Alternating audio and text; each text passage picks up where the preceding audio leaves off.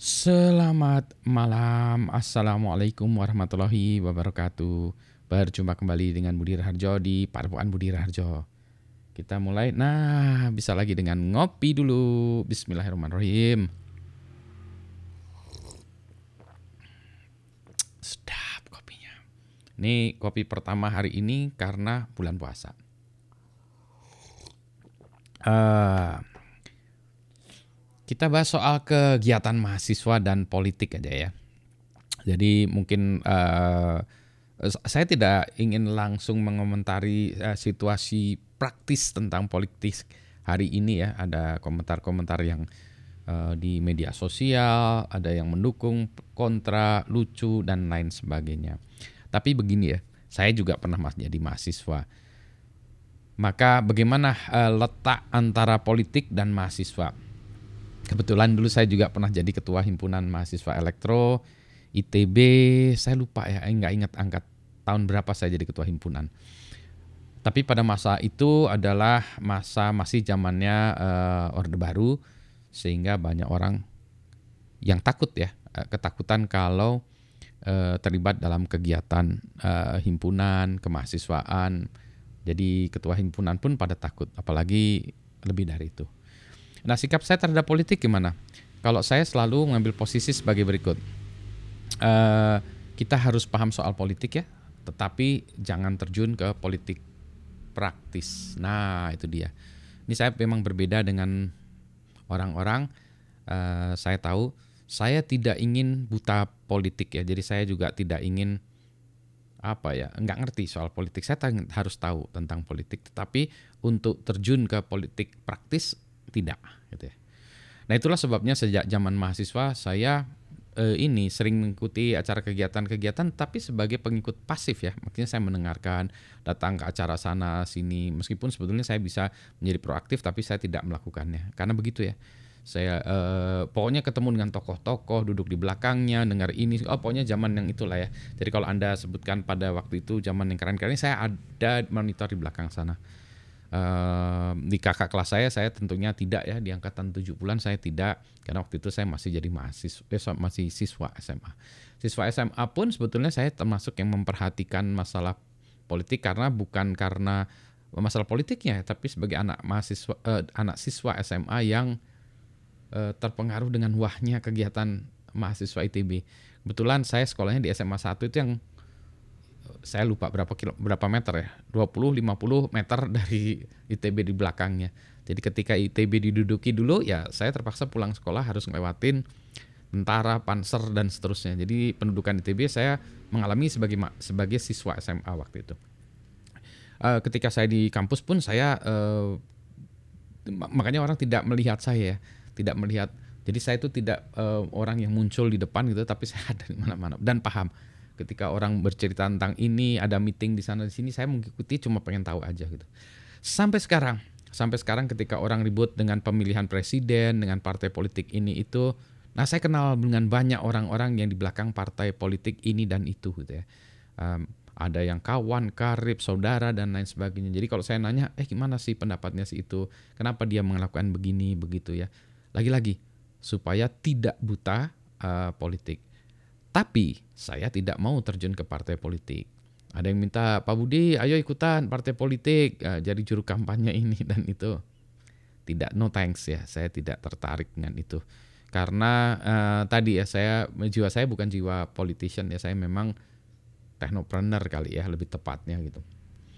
Uh, restless dengan teknologi, restless dengan mendirikan perusahaan dan seterusnya. Tetapi kalau dilihat dari sisi uh, ini ya saya nggak buta juga. Uh, di intimidasi mengalami juga intimidasi zamannya Orba saya diintimidasi. Tapi juga ada yang salah sangka waktu itu ya. Disangkanya saya waktu itu uh, uh, mendukung Pak Harto, mendukung Ibu Tin sehingga saya waktu itu diteror. Ya diteror karena saya dianggap uh, pendukung Pak Harto. Padahal waktu itu saya bukan aktivis mahasiswa. Mungkin lah mendukung Pak Harto ya zamannya itu ya zamannya itu. Gitu. Jadi ya, ya itulah ya pelajarilah sejarah gitu ya pelajari uh, yang yang dulu-dulu gitu ya. memang uh, tidak menyenangkan ya kalau digurui oleh orang-orang tua ya. Orang-orang tua itu menggurui. Dulu saya sebagai anak muda juga nggak suka gitu ya. Saya bilang orang tua tahu apa sih gitu ya. Tapi ternyata sebagai uh, ini saya baru tahu ya orang tua itu hebatnya orang tua itu karena sudah ngalamin banyak hal, melewati banyak hal, jadi sehingga dia tahu eh, bukan karena dia lebih pintar, lebih cerdas atau apa, bukan ya karena dia sudah ngalami itu. Jadi dia sudah ngalami di macam-macam gitu. Jadi itulah ya, dengarkanlah orang tua karena itu ya. Dari segi pengalaman, take it with a grain of salt katanya orang uh, bule itu ya. Jadi ya itulah di ya kita uh, kita nggak terima bulat-bulat juga gitu ya. Nah, artinya apa? Artinya kalau anda sebagai mahasiswa maka anda belajar ya, jangan jangan hanya uh, emosional. Kalau dulu kalau sekarang belajar banyak sumbernya di internet ya. Anda tinggal cari aja, Anda tinggal cari, Anda tinggal mau mencari melakukan studi literatur. Kalau zaman dulu susah. Kalau misalnya mau mendapatkan sesuatu kan kita harus fotokopi ya, harus kasak kusuk sana cari dokumennya, fotokopi gelap-gelapan. Takut pula kalau fotokopi, mas fotokopi diciduk gimana? Gitu gimana? Yang nyadiin fotokopi ternyata Intel gimana? Kan kita nggak tahu ya, Nah, kalau sekarang Anda dengan mudah bisa mendapatkan informasi, maka lakukanlah cari informasi ya yang lengkap sehingga uh, Anda bisa menyuarakan hati nurani uh, rakyat ya. Dan memang seperti itu ya, uh, memang anak muda tuh harus begitu ya. Dari dulu juga begitu. Saya paham anak-anak muda ingin membuat sebuah perubahan, ingin uh, apa uh, masih ada idealisme gitu ya. Uh, bah paham gitu ya. Saya juga demikian gitu ya. Uh, dan semoga nanti juga ketika Anda menjadi lebih dewasa, lebih tua, juga tetap mempertahankan idealisme tersebut. Karena semakin tua nantinya semakin Anda ber, ber, ber, apa di dunia nyata, maka akan semakin susah Anda uh, apa menjaga idealisme Anda itu. Kalau jadi mahasiswa lebih gampang sih menjaga idealisme, tinggal Anda mau atau enggak aja gitu ya.